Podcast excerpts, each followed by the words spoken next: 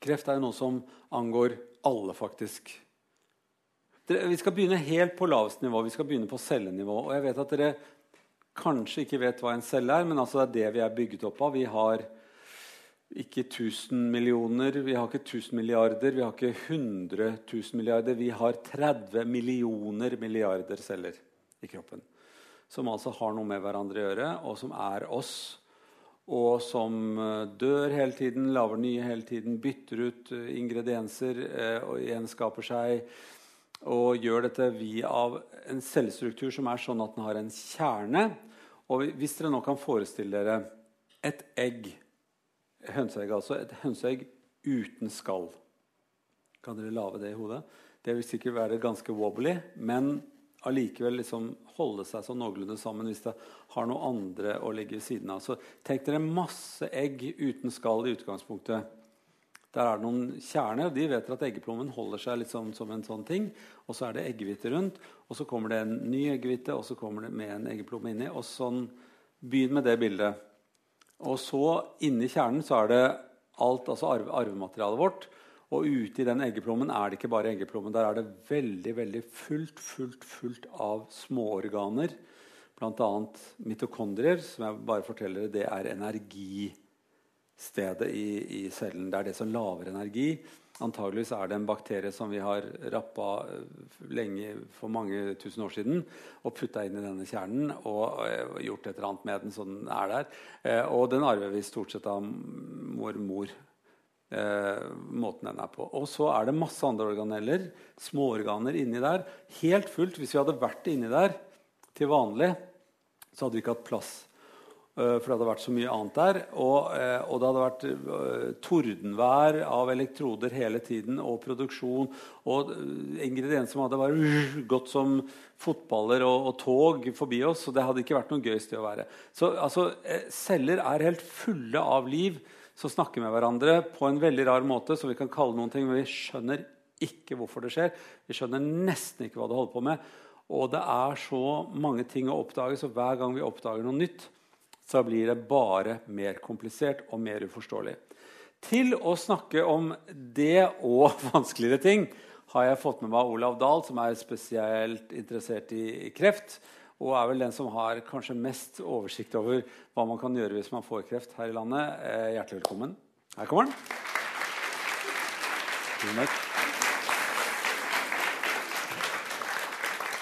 Lagde jeg en noenlunde oversiktlig celle, cellebilde for deg? Ja, det er jo utgangspunktet for kreft. For det er våre egne celler som blir syke. Ja. Og som du sa, så er alle cellene våre de er nøye kontrollert av naboceller og av andre organer. Men når du får kreft, så går noe galt i den kontrollsystemet. Så det, det å ha kreft, det er å ha en celle som på en måte opererer for seg sjøl, uavhengig av kontrollen. Og eh, det er veldig mange forskjellige mekanismer for dette. Men eh, det er, essensen er at cellen kan finne på å gå utenom det området den normalt skal ha. Og da kaller vi det invasiv vekst. Det, vil si at det er definisjonen på kreft medisinsk. Det er at den går inn i nabovev. Og har den først gått der, så kan den også spre seg via lymfebaner og blodbaner til andre organer. Og da får vi spredning av kreft. Det var eh, det oversiktskapitlet som dere leser på slutten av læreboken. som gir bare sånn kort hva det handlet om hele denne samtalen her.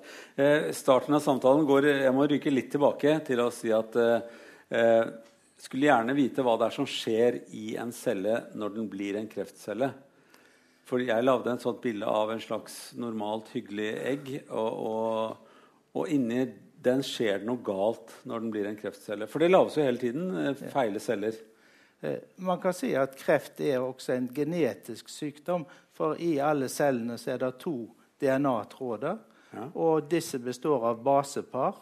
Og det som er gener, de tre basepar koder for én aminosyre, som da lager eggehvitestoffene med alle funksjoner i kroppen. Og det som skjer da enten under celledeling eller ved påvirkning av ytre faktorer som stråling, det vi får i oss av giftstoffer, næring, det kan føre til at baseparene i, i, i disse DNA skiftes ut, og da får det en annen funksjon. Enten kan du få en annen eggehvitestoff, eller så er det også det som heter stopp-kodon. Altså, det si det, det, blir ikke produsert i det hele tatt. Så taper du. Men Olav, det, det, man skjønner at du er ekspert på dette. for at, her, Man får veldig lyst til nå med en gang å si til alle dere som ikke skjønte en døyt eh, Vi spoler enda mer tilbake. Yeah. Eh, og så sier vi, sier vi, eh, eh kan vi, kan vi si noe om om, kan vi si det så enkelt som at det er en, en, slags streng av koder som er vårt DNA, eller altså vårt arvegen. Og så, ut fra den strengen, så lager man koder for hvordan man skal lage proteiner i kroppen. Ja. Og nesten alle sånne stoffer vi har i kroppen, er proteiner. er det ikke det?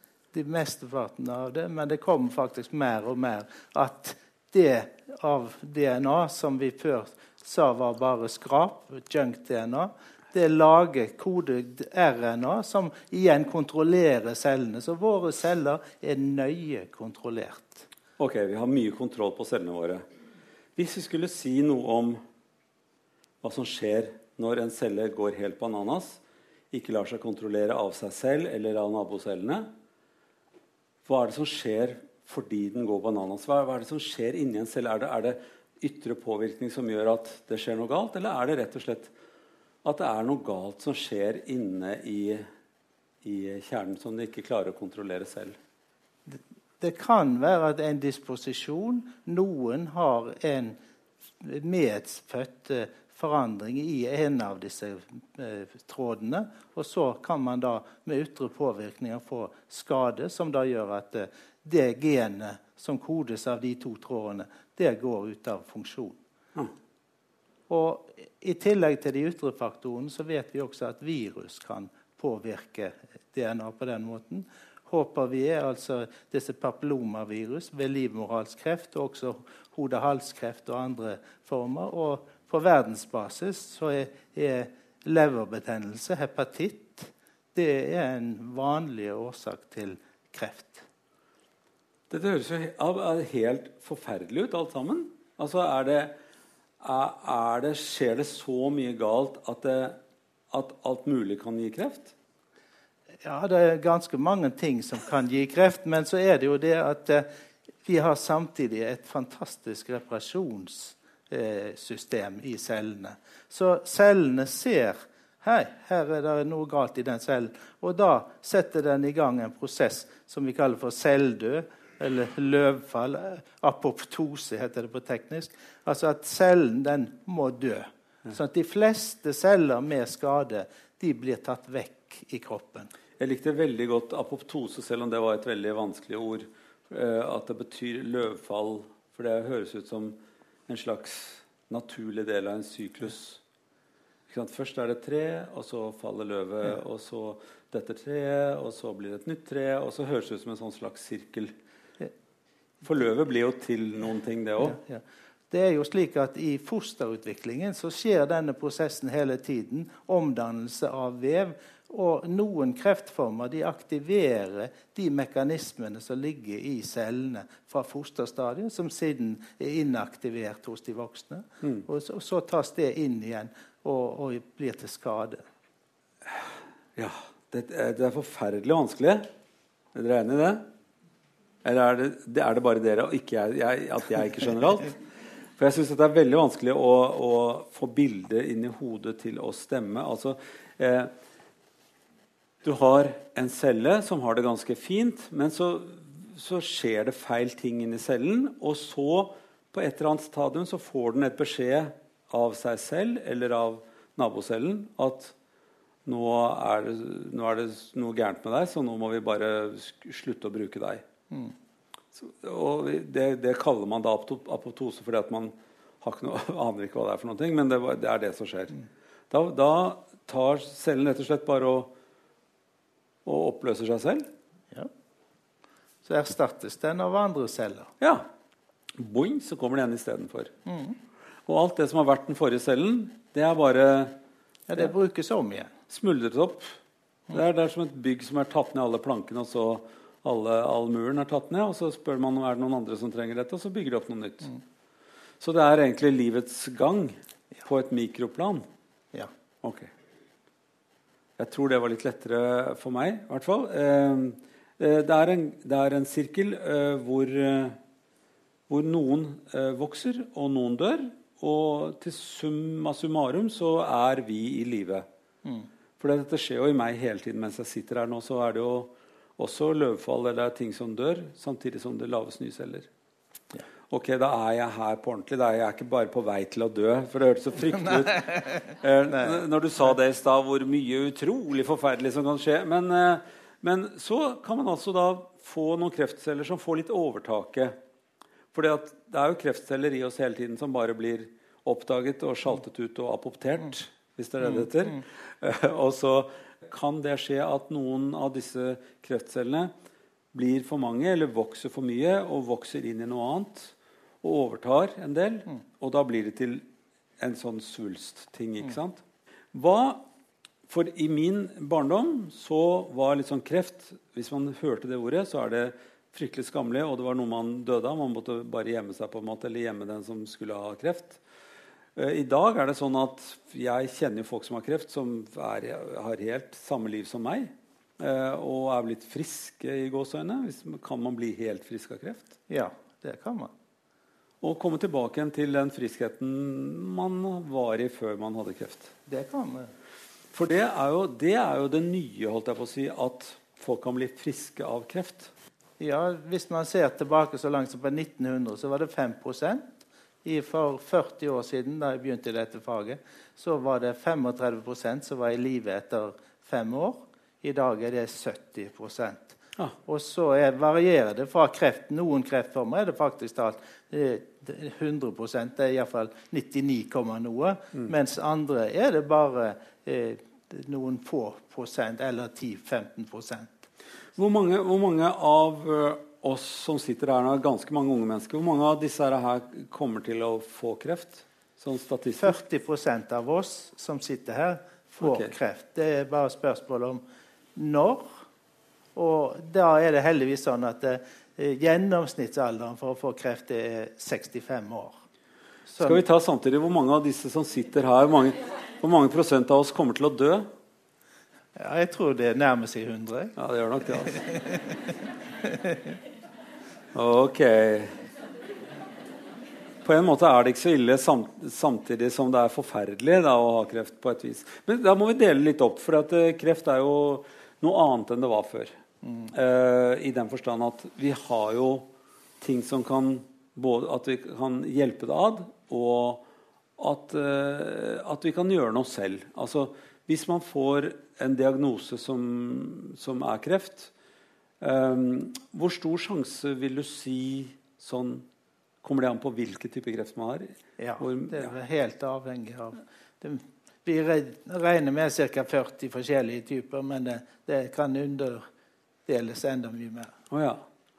Så eh, kan man si noe om eh, hva hva, eh, hva som er det vanligste at folk får? være det, er, er det f.eks. For forskjell på kvinner og menn?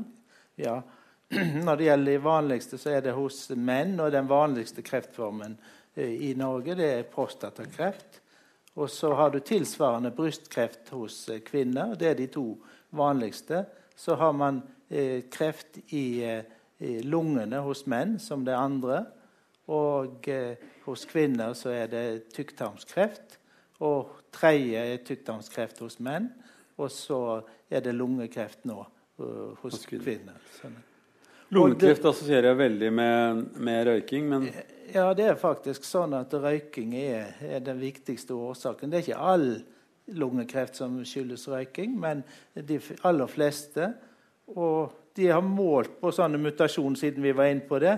Så eh, hvis du røyker 15 sigaretter, så får du en mutasjon et eller annet sted. Og det er jo bare da tilfelle om dette er på et ufarlig sted eller på et farlig sted. Og det kan ingen beskytte. Det, eller det er tilfeldig. det, det er jo grusomt. Er det så mye tilfeldigheter oppi dette her også? Ja, det er altså I dag regner vi med at det er såkalt stokastisk. Det er tilfeldig. Hva betyr stokastisk? Stokastisk er altså helt tilfeldig. Ok. Mutasjon eh, kan vi ta ut mutasjon? Det er litt sånn at det skjer noe, noe kluss i arvestoffet eller i celledelingens arvestoff ak akkurat der er det, et eller annet sted. Eh, er det Det må jo være til for noe for, eh, for menneskeheten. Det, det, må jo være Mutasjoner må jo også ha en positiv side, tenker jeg. Det er vel sånn at f.eks. at aper ble til mennesker pga. mutasjoner. At, uh, at, noen mennesker ble lyse i huden. Det er jo noen merkelige mennesker her i verden som er lyse i huden. Alle de andre er jo mørke. Sånne ting. Det er jo mutasjoner. Det er jo klart at det kan føre til eh, for, fordeler i et visst miljø hvor du er. Men eh, stort sett så er det mest gunstig å ha det basis. Ok. Nå tenkte jeg på, på I tusen år så har vel vi utviklet oss, har vi ikke det? Sannsynligvis. Ja. Håper og tror det. Men. det meste har kanskje ikke skjedd på mutasjonssiden. Men mutasjon er altså et, et ting med arvestoffet som kan føre til at noen celler går bananas. Yeah. Hvis det skjer på feil sted. Yeah. Men hvis det ikke skjer på feil sted, så skjer det ingenting. Yeah. Okay. Eh, hvis man da eh, ser på hva slags typer kreft det er vanlig å få eh, Kvinner eh, har oftest eh, brystkreft, f.eks. Er det sånn at det er gått opp eller ned med antall brystkreftoppdagelser av kvinner? Eh, eller er det like mye omtrent som det har vært? Vet man det? De fleste kreftformene har økt, og Kreftregister gir jo Eh, oversikter over eh, forventa kreftform i 20 år fremover. Og da ser vi at det forventes iallfall jeg tror det er ca. 20% økning i kreft. Og det, de prognosene har holdt hele veien så lenge jeg har fulgt. Mm. Eh, og, det, og jeg, jeg, kan huske at det var 12 000 per år da jeg begynte, og nå er det over 30 000. Vet man noe hva som, hva, hva som fører til det? Altså, Ca. halvparten er at befolkningen er blitt eldre. Sånn, og eh, så er det jo dette med bedre diagnostikk. Før så døde folk av alderdom. Man så ikke etter. I dag du, går du gjennom en CT-maskin eller en MR, og mm. man får en diagnose. Men det er også en reell økning. Mm. Det eneste som vel har gått ned skikkelig, det er, er magesekkkreft. Mm. Hvor det var to årsaker. Det ene er som bakterier, helikobakter. Og det andre er bruk av frys, fryser. Vil si at eh, saltet i maten eh, det skader slimhinnen i, i, magesekken, sånn at den blir økt celledeling og da mer utsatt for kreft.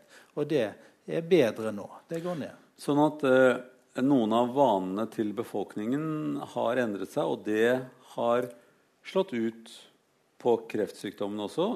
Både til det verre og til noe til det bedre? Ja. Okay. Så livmorhalskreft også har gått ned pga. screening og at man har fulgt opp. Ja. Så, øh, og hva vil du si til, øh, til øh, f.eks. mammografi, da, som man mener har kanskje vært med på å oppdage mer brystkreft?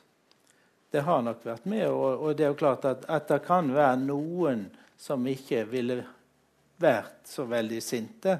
Det, det er nok så, men er, jeg vil si at sånn som jeg leser dataene, så er det absolutt en fordel. Ja. Så mammografi bør folk gå til? Ja. I hvert fall kvinner. ja. det var ikke meningen å le av det, men det var veldig, veldig fristende. Eh, eh, når det gjelder menn, så er altså prostatakreft eh, det mest vanlige. Ja. Men ikke unge menn. Nei, den eh, sykdommen det kommer over 45 år, og helst over 50 år, er det man eh, påviser dette.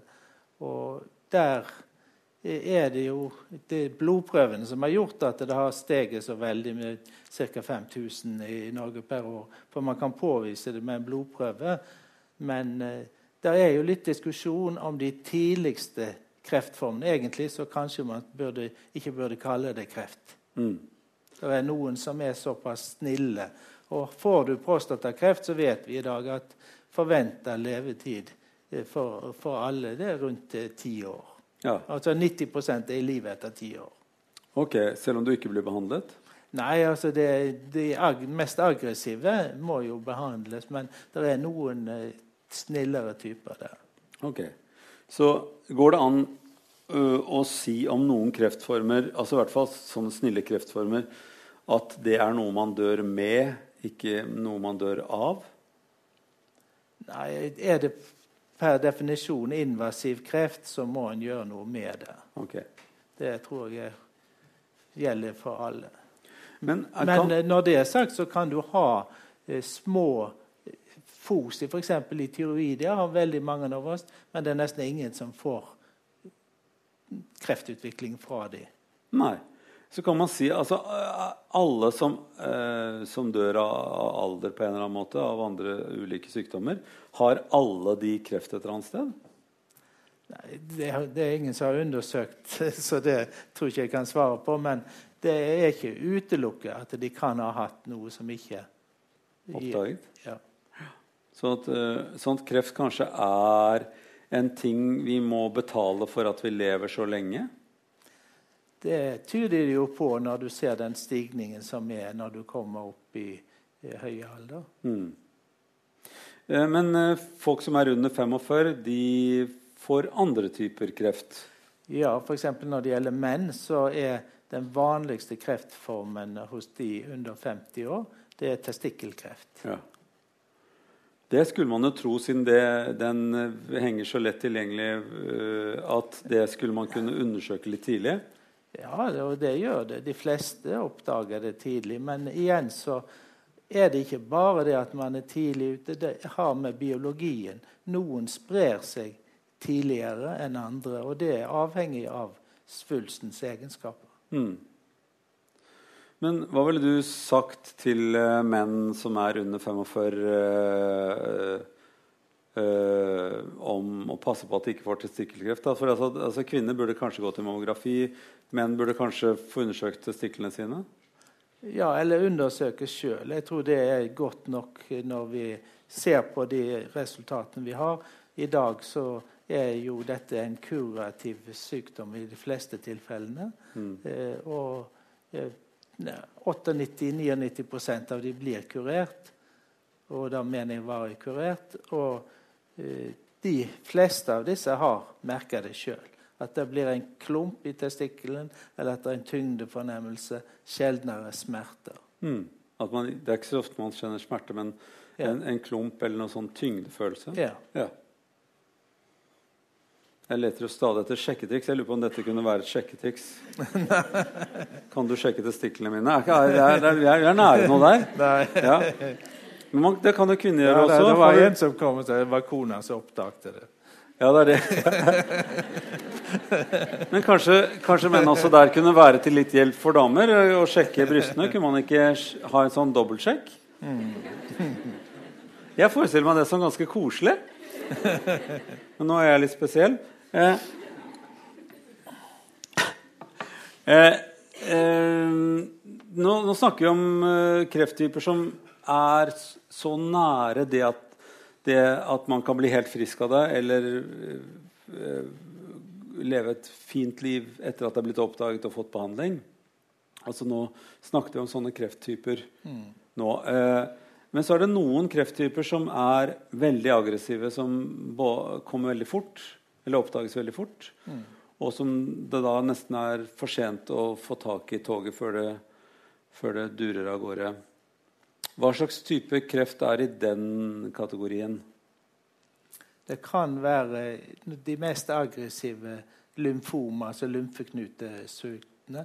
men også føflekksvulst kan ha veldig aggressiv. Og klassisk av disse det er bukspyttkjertel.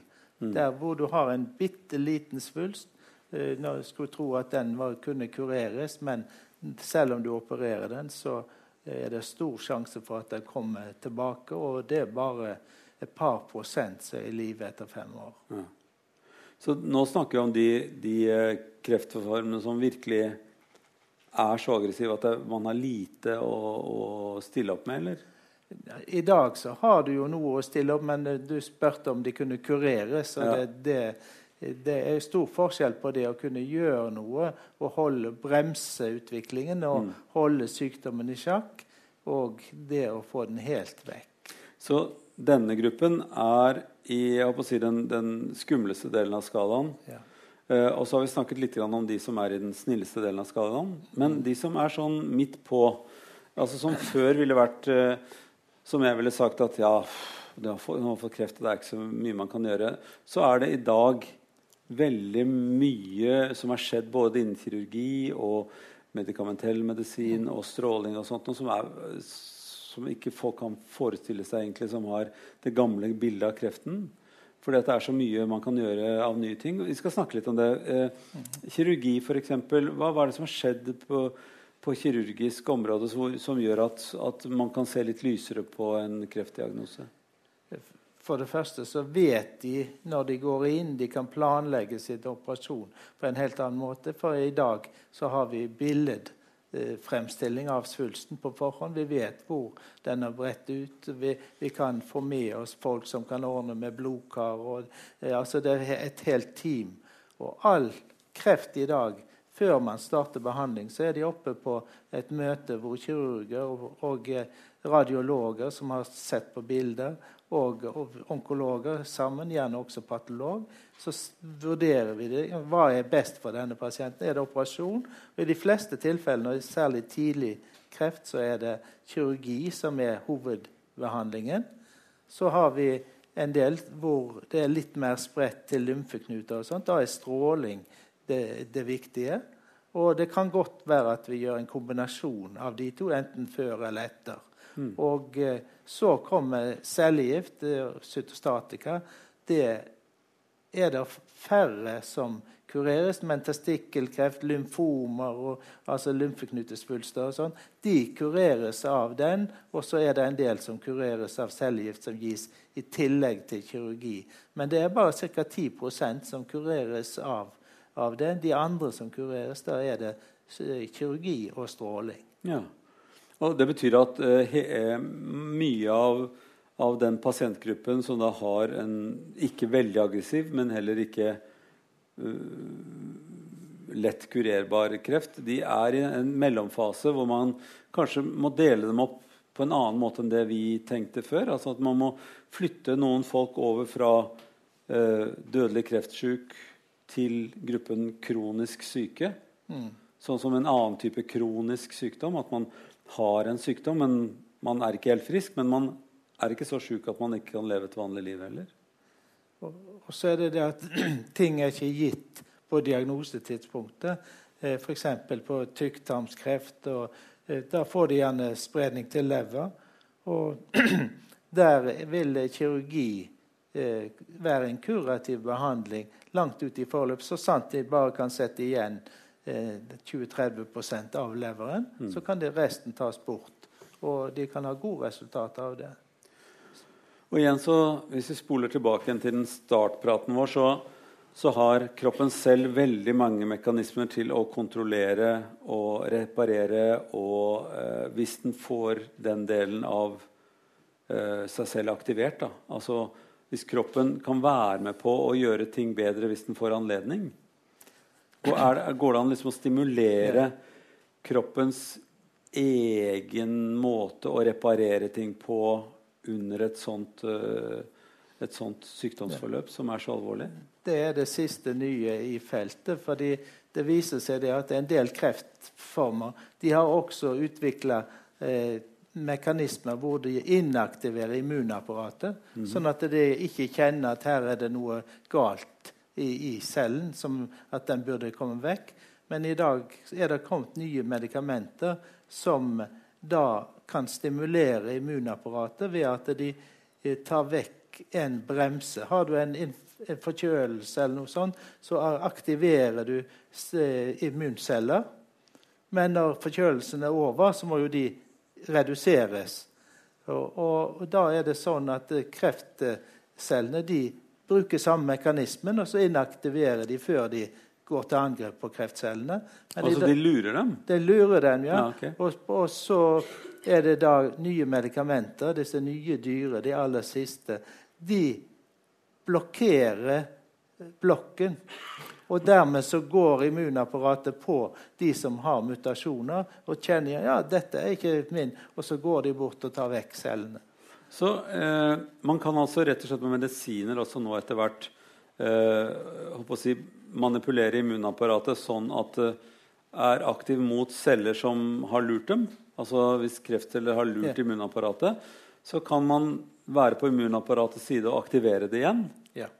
Så at, eh, igjen så, det, så, har kroppen et eget forsvar som det går an å gjøre noe med hvis det bare får den riktige beskjeden. Hmm. Og det ser ut til å slå ut f.eks. på føflekksvulst. Det er veldig eh, stor forventning til det. Og så trodde man at det gjaldt for alle andre kreftformer. Det ser ut til å være spesifikt mer for de med mange mutasjoner. Altså det er, det er undergrupper. Det er ikke sånn at plutselig så har vi noe så har løst kreftens gåte, som alle sier. Det, det, er det ikke. Men på de sykdommene hvor det virker, så er det veldig lovende. Så det er altså det som før var én diagnose, eh, det har nå fått sånne under, underpunkter også med underdiagnoser, hvor, eh, hvor, noen av de har en mye bedre eh, fremtid fordi at det fins nye typer behandlingsformer? Det er mange nye medikamenter som da virker på på spesielle target, så det heter, spesielle mål. Mm. Og, og, de må du da vise er der før du kan bruke dem. Mm. Det, jeg har lest også at det fins noe som nettopp hjelper immunapparatet på en måte ved å, å, å ta ut noen celler og, og, si til immunapparatet at det er disse cellene du skal prøve å ta. Altså en slags vaksinetenkning. Mm. Altså sånn som man gjør når man får vaksine mot bakterier. At man på en måte gir kroppen en beskjed om at ja, disse cellene her, de er en del av det dere skal bekjempe. Er det, en, er det, noe som er under utvikling, eller gjelder det bare noen få sykdommer? Det også? Det er nok under utvikling, men eh, det, mange tror nok at de andre nyere det er en bedre måte. Mm. En enklere måte, fordi da kan du ta, eh, ta et preparat. Mm som virker på andre. De andre må du dyrke cellene, og du må utvikle spesifikke vaksiner. og Det er en ganske omfattende mm. prosess. Men det at vi nå har så mange ting å spille på innen medisin altså Før så var det liksom Enten var det stråling, og da var det liksom bare massiv stråling. Når du jobbet på Radiumhospitalet i starten, så mm. var det liksom det var svære strålemaskiner som bare boff, Og man fikk mm. arrvev. og mm. Man ble riktignok veldig dårlig, men det var, var, på kanten av det der, der det, var en lærer som sa til oss på medisin at det er ikke noe vanskelig å bli kvitt kreften. Det som er vanskelig, er å holde pasienten i live samtidig. Eh, og det er jo et eh, veldig viktig poeng. Sånn at, eh, for at noen av de tingene man gjorde i starten, var jo Jeg, jeg hadde en fotvorte da jeg var ung gutt, og da gikk jeg på Radiumhospitalet og fikk stråling på den. Mm. Det var sånn, Man fikk jo tyggegummi med stråling på den tiden. Det var liksom, alt var stråling og gøy. Um, men er, er, det sånn nå at man har så spesifikke ting, man har så fine maskiner som kan innstille F.eks. så har man ikke stråling bare fra ett sted, man stråler fra tre steder og kan minke dosen fordi at man, de, de, treffer jo ett et sted eh, hvor man eh, får gjort det mye. Altså Man fler, kombinerer flere medikamenter pluss stråling, kirurgi pluss medikamenter. Altså at man bruker flere, flere behandlingsmetoder samtidig. Ja, det er jo slik at strålingen Før så hadde vi ulike felt og var begrensa med det. I dag så har vi CT og MR og PET-bilder av pasienten. Så tegner vi inn. Vi har en modell av alle pasienter. Tegner vi inn, Der sitter svulsten, der er risikoområder. Dette skal ha den og den dosen. Og så skal det og det organet spares. Og Så lager vi en plan etter det, og så gir vi dos. Og Da er det gjerne sånn at Maskinen den roterer rundt pasienten én eller to ganger. Så har han gitt den dosen i, uh, uansett hvordan uh, volumet ser ut. Mm. Uh, og det har gitt mindre bivirkninger men, og bedre effekt på svulsten.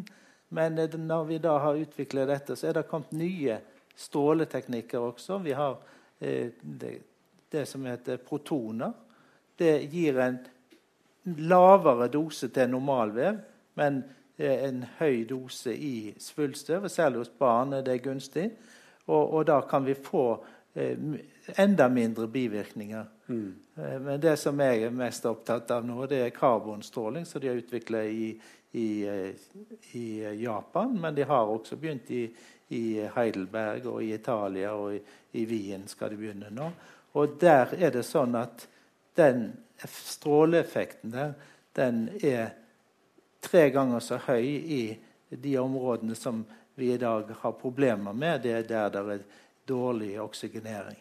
Mm. Slik at dette er ting vi vil jobbe med videre for å få enda bedre resultat. Men kan jeg spørre deg, du som er så langt ute i dette her, for da, da, jeg gikk på medisinskolen og skulle lære meg om kreft, så sa de og Bortsett fra dette her med å holde pasienten i live, så sa de også at det hadde vært veldig fint hvis vi hadde hatt en, en, en slags rytter som kunne finne et mål, og så kunne man utløse altså en, en eller annen som bar uh, giften til den cellen som trengte gift, som, altså som trengte å bli, uh, bli, uh, bli, ødelagt.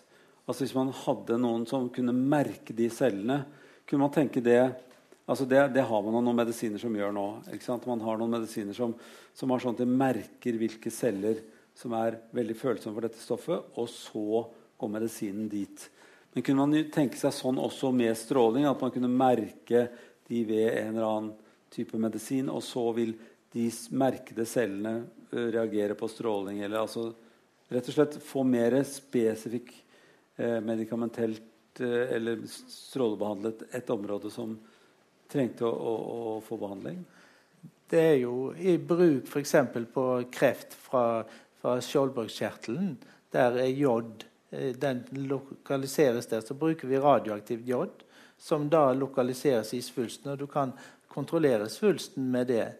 Og litt av samme prinsippet er også eh, på avansert prostatakreft med spredning i skjelettet, hvor en kan bruke en radiumisotop, som da gir en lokal stråling bare i det området eh, hvor det slår seg ned. Mm.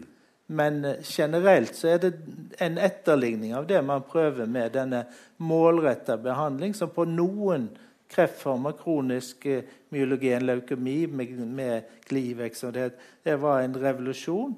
Det er altså Man vet at det sitter et visst protein i cellene, og så har vi et stoff som da går og binder seg til det, mm. og, og får da effekt.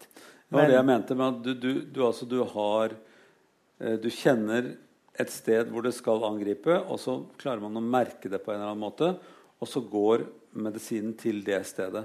Ja. Eh, er det en måte å tenke på generelt eh, med å, å personifisere eh, behandlingen? Sånn at ulike individer får litt ulik behandling selv om det er samme type sykdom? Det, det er, har vist seg at det, ved kroppen er smartere igjen. Med mange av disse her så er det i avanserte tilfeller så, så blir det en resistensutvikling. Det er noen få unntak, som jeg nevnte, med kronisk myelogen leukemi og en del andre. Men det har ikke levd opp til forventningene. Fordi at det, det varer en stund, og du, du, kan ha det bra den stunden. Men det er ikke sånn at kreften er borte. Og alle vi som jobber med, med, med kreft, ønsker jo det. Mm. At det skal bli borte? Ja. Uh, men nå har dere kommet ganske langt på veien. og sier det er sånn 70% som blir bra, uh, mot veldig mye mindre tidligere. Hva, hva, vil du si er det, all, all si det feteste innen uh, forskningen din med kreft? Hva er det liksom, her kommer til å skje noen ting? Er det immunstimulering på en eller annen måte, eller er det, er det karbonstråling ja, eller protoner eller må man ha sånne, Hvor svære er de maskinene? Eh, hvor ja, altså, et karbonanlegg har en akselerasjonsring på en ca. 25 meter i diameter. Å oh ja, vi snakker et større apparat. Det er, det er ganske stort eh, anlegg, men ja. vi, vi eh, håper jo det kommer til Norge. Mm, ja. Vi har tomt som er avsatt for den typen eh, men, men, men, ja, og, det tror man liksom at det der skal bli kommersielt? Eller er det, er ja, det noe Ja, fordi at eh, du, mens du gir vanlig stråling, så kan du gi, trenge kanskje fem-seks ukers behandling for enkelte eh, av disse kreftformene som behandles med karbon, der kan du gi to-tre behandlinger, kanskje opptil 10-12. Ikke, ikke, over 16 vanligvis. Så du kan gi kortere tid. Du kan få, få pasienten gjennom på den måten. Ja.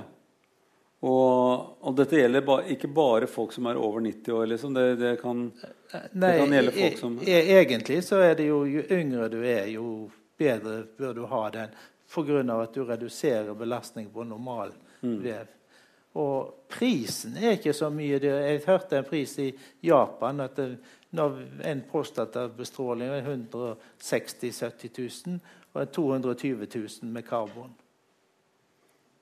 Ja, det, det, var, det, har vi råd til, mener du? Ja, det, det gjør vi i dag. Ja. sånn at det, er ikke noe Så er, Men anskaffelse av en sånn maskin er vel litt sånn inn i fremtiden, eller er det Ja, Det er ikke noen vedtak at vi skal ha det i Norge ennå, men vi jobber med protonstråling mm. og få det på plass. Mm. På hvert universitetssykehus. Ja. Eh, vi sitter allikevel igjen med Av de 70 der, så er det, det er allikevel 30 igjen av det regnestykket som, eh, som eh, ikke blir bra. Uh, hvis du skal se for deg med all denne medisinkunnskapen og alle de pasientene du har truffet, hvordan ser de 30% ut? Er dette folk som er på vei sakte til å dø, eller er det, på, er det folk som er veldig gamle, eller er det folk som har en veldig hissig sykdom? eller er det, Hva slags folk er, er de 30% som, som ikke kan hjelpes noe særlig av denne type behandling som du nå har beskrevet? Det er egentlig hele spekteret der også. Mm. Og mange kan ha en godt liv i, i mange år, selv om de har en kreft som er i kroppen. Men andre har det Eh, mye mer eh, problemer med det. Men det som er fint, syns jeg, det er at det er få som har virkelig stor belastning med smerter. Det var mer før. Det er mer å hjelpe seg med i dag. Mm. Jeg sier ikke at det ikke er noen som har skikkelige smerter og har en trasig siste periode, men det er egne team som tar seg av dette. Det er lagt opp et opplegg for det. Så, så, det er ikke så skremmende eh, å få kreft i dag mm. som det var før. Eh, men på, vi behandler jo fryktelig mye, og noe av denne behandlingen eh, kan jo stå i fare for å gå for langt at man behandler så mye at folk blir syke av behandlingen. Eh, er det et dilemma som du tenker på? Vi tenker jo alltid på det, fordi at eh, den behandlingen som vi gir, den kan alltid gi alvorlige bivirkninger. Og vi vet aldri helt sikkert når vi starter, hvem som får bivirkninger, og hvem som ikke får. Mm. Men vi eh, prøver å følge opp materialene våre. Vi prøver å følge med, sånn at vi har en oversikt. Og det er grenser som vi ikke vil overskride. Mm. Eh, men tross alt så sitter man da igjen med vi har, Det er 100% som skal dø av oss. Mm. Uh, og alle er vi jo Vi er vel mer opptatt av hvordan man dør, enn akkurat når man dør. Jeg tror de aller fleste godtar at ja, hvis, man er, hvis man er over en viss alder, så er det vel ikke urimelig at man kommer til å dø. Jeg tenker jo det allerede nå. Jeg, jo, jeg bør ikke sette i banken og la de stå der i 30 år. Jeg har den tanken inni meg. Jeg vet ikke. Når det gjelder kreft, så kommer det uforberedt for de fleste. Det er ikke så lenge siden jeg hadde en som var rundt 75 år. Han kunne ikke forstå at han fikk kreft, som hadde trent og vært i full form mm. hele livet. Men hva skjer med disse menneskene du, snakker om og med som får kreft? Er det bra at de får vite om det, eller uh, går de helt i bakken av det? Eller, uh, eller hvordan tar folk det? For det første så har de fleste en mistanke, og usikkerheten er verre enn sikkerheten. Og det fant vi ut eh, i 75, da jeg var på Radiumhospitalet. Så hadde det vært en lege i London på hospice. Og der gjorde de noe som vi ikke gjorde i Norge på den gang. Vi informerte pasientene at de hadde kreft. De, de, det gjorde man ikke. Og jeg husker når jeg kom til Bergen her i 76, fikk jeg mange pasienter henvist til strålebehandling. Og jeg spør hva er det du har Ja, nei, det var et eller annet. De hadde ikke noe kreftdiagnose. Og det ingen som hadde sagt det til dem at de hadde kreft. Mm. Og filosofien bak det er at Nei, de skulle spare dem skulle spare dem for den belastningen. Men de visste det, og usikkerheten var Og jeg har hatt mange pasienter som når de har fått visst hva de har, ja, så går de hjem og så ordner de opp, og så, så har de en god periode. Uh, uansett om de overlever eller ikke. Mm. De, de, må vite. Og forutsetningen for at vi skal gi en behandling med bivirkninger, det er jo at de skjønner hvorfor vi gjør det. Mm. Så i dag er det en selvfølge at pasientene skal ha informasjon. Og nå er det årevis siden jeg har hørt at en kommer og sier at 'ikke fortell ektefellen min, for hun skal ikke uh, vite det', osv. Det, det, alle vil gjerne vite det i dag. Mm.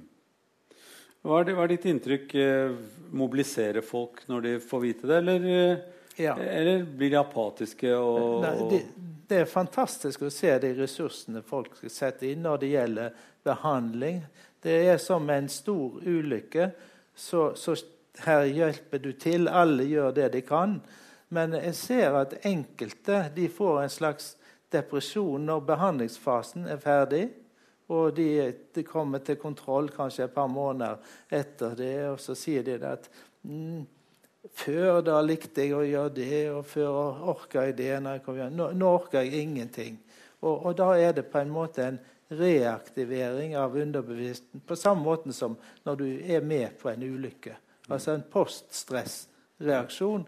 Det får en del som er ferdig med behandling. Men mens de skal ha behandling, så har det jo skjedd at noen som har eh, psykiatrisk sykdom og sånt på forhånd, får forverring. Det er ikke det jeg sier. Men folk flest de mobiliserer mm. på en veldig positiv måte. Mm.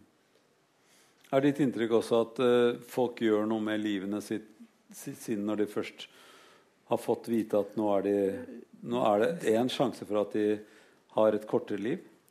Det det får jo en vekker, og man prioriterer gjerne. Og ikke minst det er ganske vanlig at folk spør om kostråd. De legger om kosten. Og det er vist nå i studier at hvis du er ferdig med behandling, og du legger om til en middelhavsdiett, altså grønnsaker og fisk og, og mindre rødt kjøtt, så går det bedre også prognostisk for kreftsykdommen. Og dette med å slutte å røyke har betydning etter at du har fått det. er Ikke bare når du får kreften, men hvordan det går etterpå, har det betydning. Og, så, og unngå overvekt og diabetes, sukkersyke, er uheldig i prognosen. Mm. Så, det, så, en del av, av, kreftbehandlingen er også å sørge for at kroppen på en måte får de ressursene den trenger selv.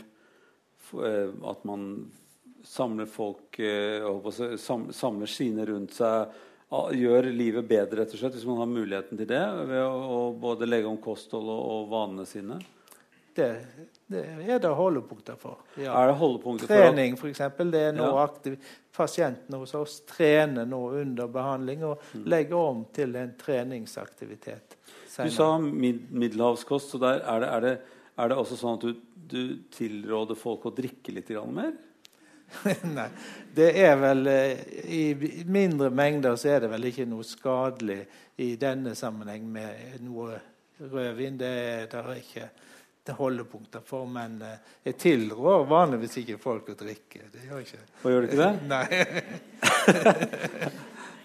det har litt mer med deg å gjøre enn med drikkingen, kanskje? Nei, nei, nei da, men altså ting, Er lite godt, så er mye bedre.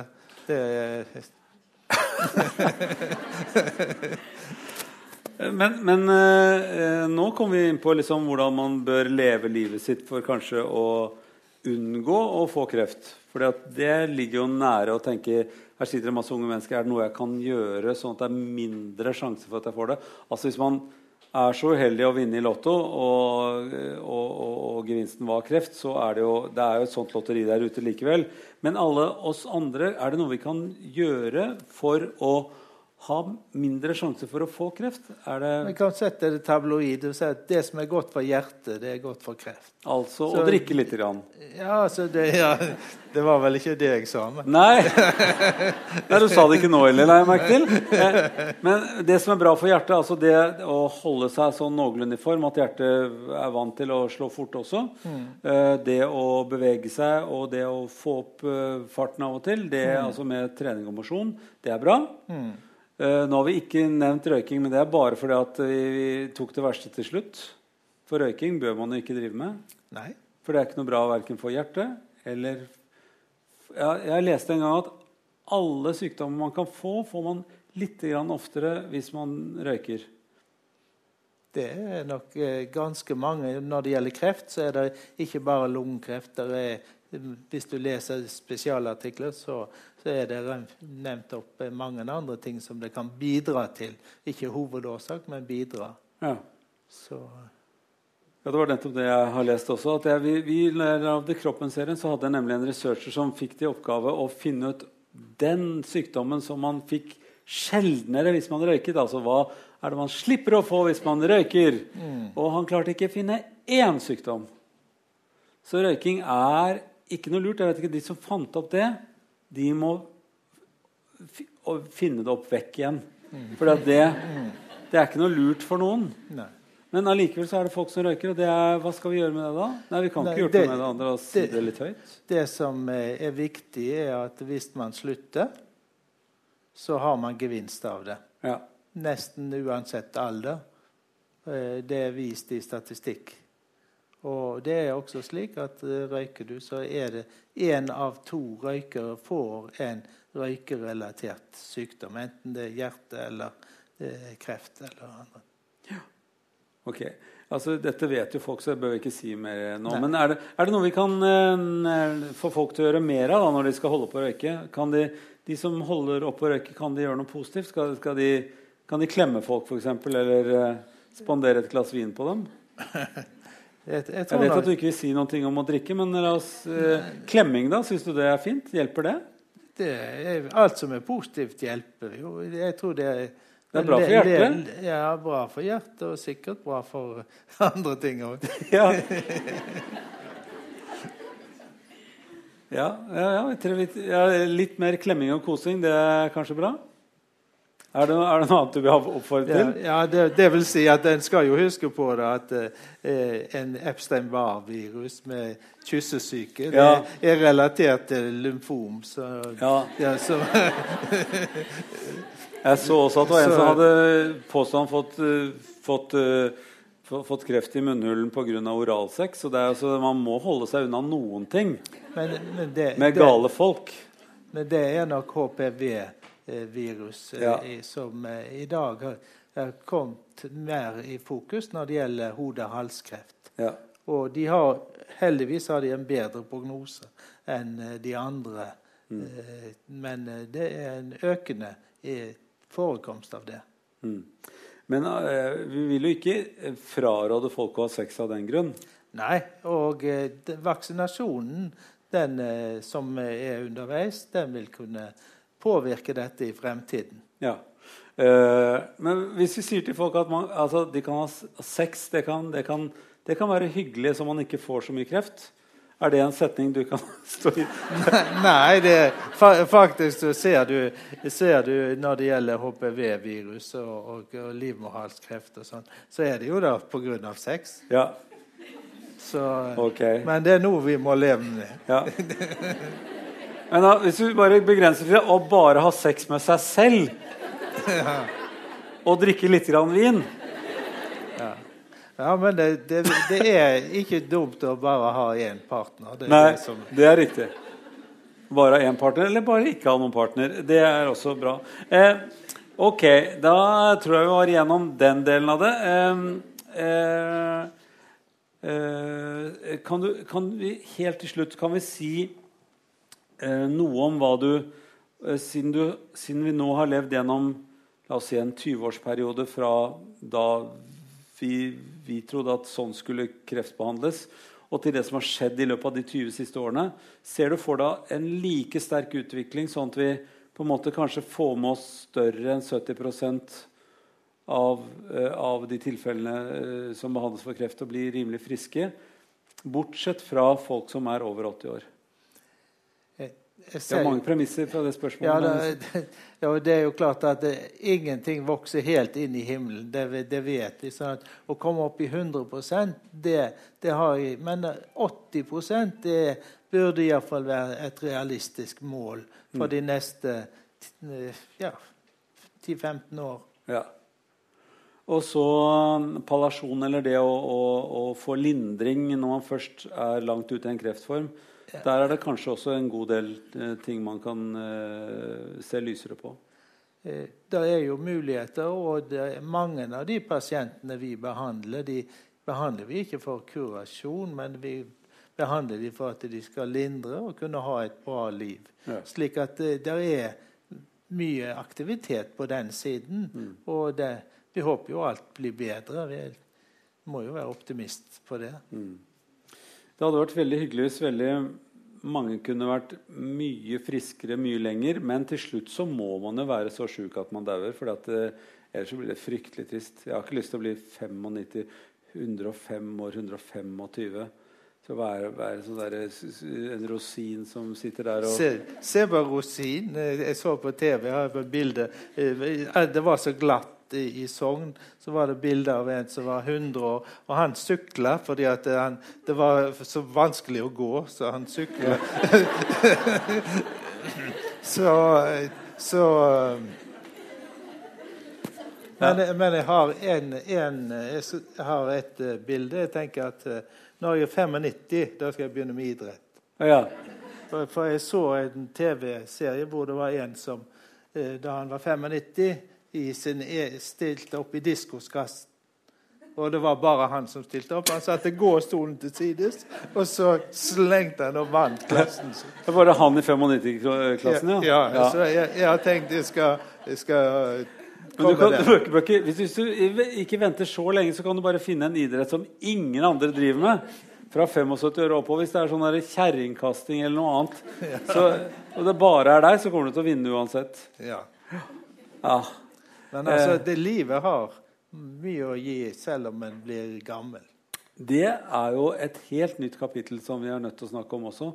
Fordi at eh, det er jo Én ting er at man blir eh, så sjuk at man dør, for det må vi jo til slutt. Mm. Bare finne ut av hvordan vi har tenkt å gjøre det. Men det å, å forskyve den derre den der friske delen av livet og finne ut hvordan man kan leve selv om man er kroniker på en eller annen måte, det har jeg store forhåpninger til. Jeg tenkte du skulle være ganske frisk ganske lenge. Har du også det som plan? Ja, det, er plan A. Å, det er fint. Og den passer godt med, med litt vindrikking.